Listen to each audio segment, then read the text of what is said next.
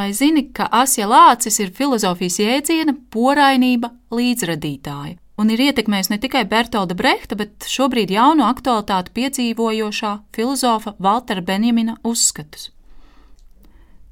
Satikšanās ar Asju Lācis, kas notika Kaprī, iezīmēja Valtera Benjamina pievēršanos faktiskās ikdienas dzīves parādībām un politikai.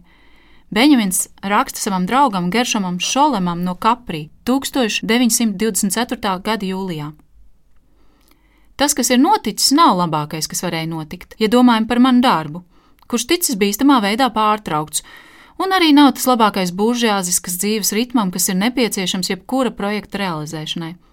Tomēr tas ir labākais, kas varēja notikt - vitāls atbrīvošanās un intensīva ieskata par radikālo komunismu vārdā. Esmu iepazinies ar krievu komunisti no Rīgas, vienu no brīnišķīgākajām, krāšņākajām, lieliskākajām sievietēm, kādu jebkad esmu saticis.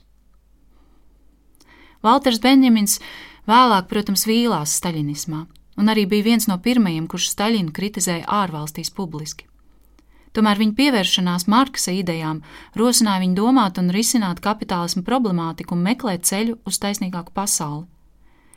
Mūsdienu pasaules spožākie prāti, tādi kā Judita Butlere un citi, aktualizē Benjamina idejas, meklējot viņa teiktajā risinājumu mūsdienu pasaules krīzēm. Butlers idejas par nevarmācīgu spēku un visu cilvēku līdzvērtīgu sērojamību lielā mērā balstās Valtera Benjamina un no tā izrietoši kaut kādā mērā arī Asjas Lācis idejās. Esejā Neapole, kas ar abu autoru vārdiem tika publicēta 1925. gadā žurnālā Frankfurter Zeitung, autori noformulēja porainības jēdzienu, kas atvasināts no porainā celtniecības materiāla, kas izmantots Neapoles arhitektūrā un sociālo notikumu virtenēs, kas ievies viena otrā. Neapolē mazā netīrā dzertuvē var atrasties durvis uz baznīcu ar pasakaini skaistām altāra gleznām – sakrālais pāriet profānajā un otrādi. Porainība abiem autoriem bija jauna veida domāšanas koncepts un alternatīva struktūra filozofiskajai domai. Tas sasaucas ar Asijas Lācis jau 1921. gadā publicētajā rakstā Jaunās tendences teātrī paustajām idejām. Viņa saka, māksla ir daļa no dzīves kustības, un tiklīdz māksla sāk sastingt, zaudē kustīgumu, tā kļūst šausmīga. Viss, kas dzīvē sastingst, kļūst nevajadzīgs, arī māksla.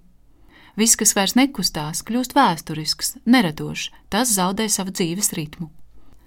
Rakstā Neapola pēc četriem gadiem abi autori raksta.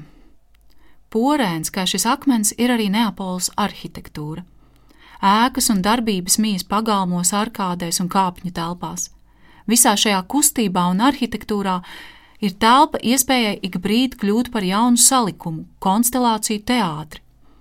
Sastinguma, noteiktības zīmogam šeit nav vietas. Nevienai situācijai nav paredzēts ilgt visu laiku. Neviena mizanscēna nerāda to, ka var tikai tā un ne citādi.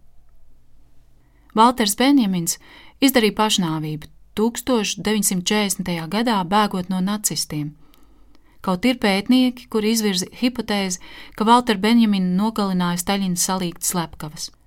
Asja Lācis par Valter Benjamina nāvi iespējams uzzināja tikai 1948. gadā, kad atgriezās no izsūtījumu Kazahstānā.